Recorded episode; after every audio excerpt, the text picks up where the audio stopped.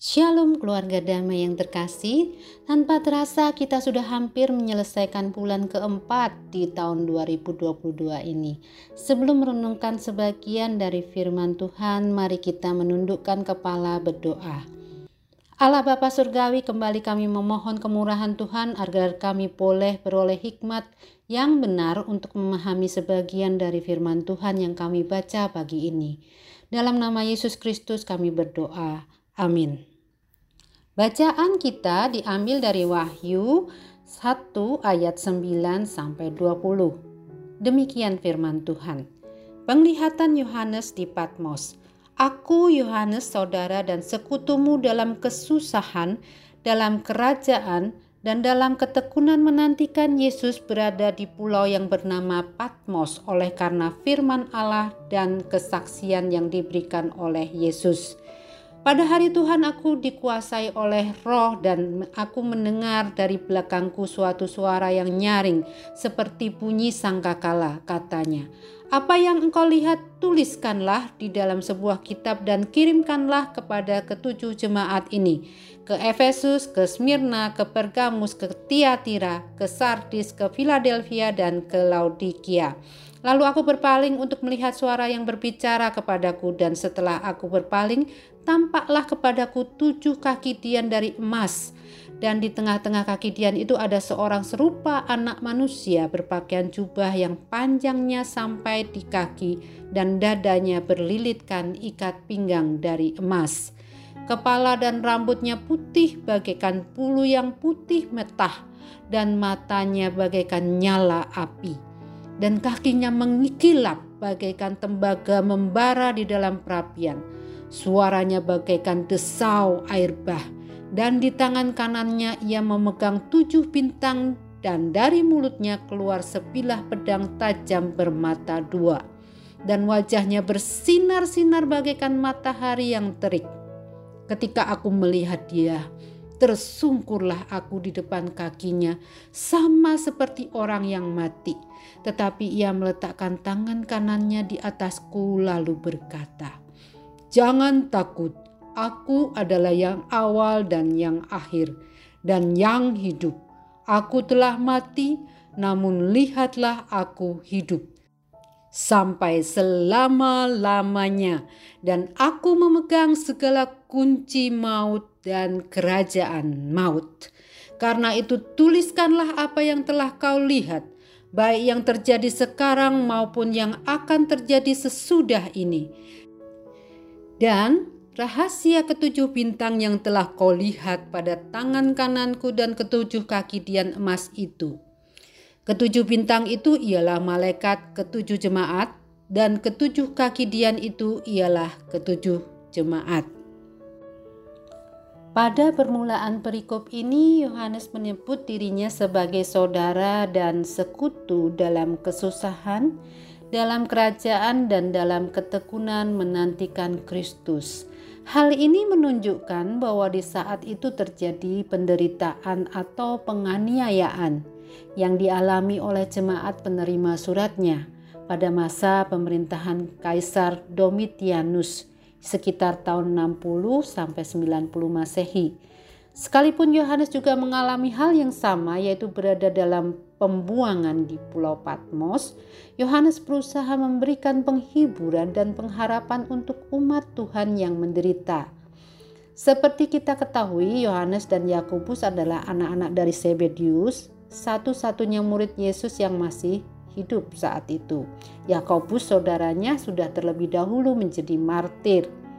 Pemerintah Romawi yang kejam berusaha membunuh Yohanes dengan menggorengnya hidup-hidup di Roma dalam sebuah kuali minyak yang mendidih.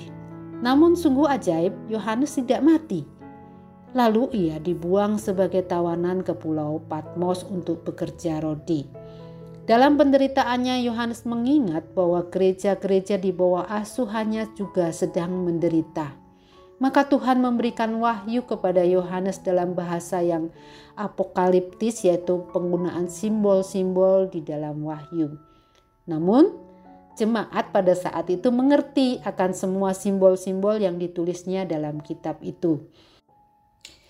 Yohanes kita kenal sebagai murid yang dikasihi. Dalam beberapa kitab Injil kita bisa melihat bahwa dia bisa duduk dengan santai dan akrab bersandar dekat Yesus. Tetapi beda dengan penglihatannya di wahyu ini, dia tersungkur seperti orang mati di depan kaki Yesus. Yesus yang dulu dikenalnya sudah bangkit dan naik ke surga dalam kemuliaannya, sungguh membuatnya gemetar ketika hadir kembali di hadapan Yohanes, berdiri di tengah-tengah tujuh kaki dian emas. Keilahian dan kemuliaan keagungan Yesus digambarkan dengan wajahnya bersinar terang seperti matahari yang terik dan memegang ketujuh bintang di tangannya. Tetapi Tuhan Yesus meletakkan tangan di atas Yohanes dan menguatkannya. Jangan takut. Yesus memberikan jaminan bahwa dialah Alfa dan Omega, permulaan dari segala sesuatu sampai kekekalan. Ia adalah Allah yang hadir dan selalu menyertai umatnya. Penafsir menjelaskan itulah mengapa Yesus berada di tengah-tengah ketujuh kaki Dian. Kaki Dian ini ditafsirkan ada tujuh karena itu adalah tujuh jemaat saat itu yang diberikan surat ini. Kemudian Tuhan Yesus di ayat 18 berkata, Dan yang hidup, aku telah mati namun lihatlah, aku hidup sampai selama-lamanya dan aku memegang segala kunci maut dan kerajaan maut. Jaminan bahwa Kristus hidup merupakan kekuatan dan pengharapan bagi kita. Dalam realitas kehidupan yang kita alami bukan hanya karena Kristus mengerti masalah, kesulitan dan penderitaan apa yang kita alami, tetapi juga karena Kristus telah mengalahkan maut. Yesus sudah menang dan bangkit untuk selama-lamanya. Seperti jemaat pada zaman penulisan wahyu, kita juga tidak imun terhadap semua masalah kehidupan.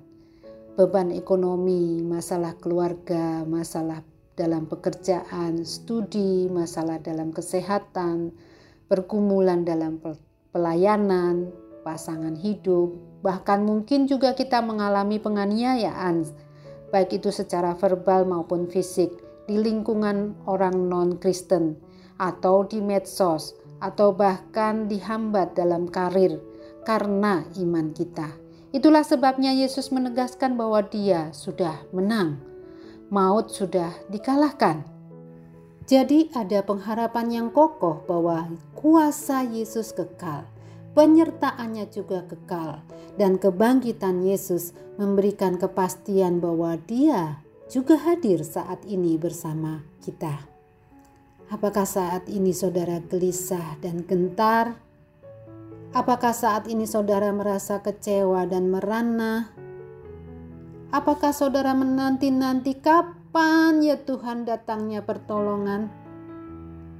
Pada ayat ke-19 Yesus menegaskan untuk menuliskan semua penglihatan yang sekarang maupun yang akan datang supaya gereja tujuh jemaat itu dihibur dan dikuatkan Bahkan Tuhan Yesus mengutus malaikatnya untuk mereka.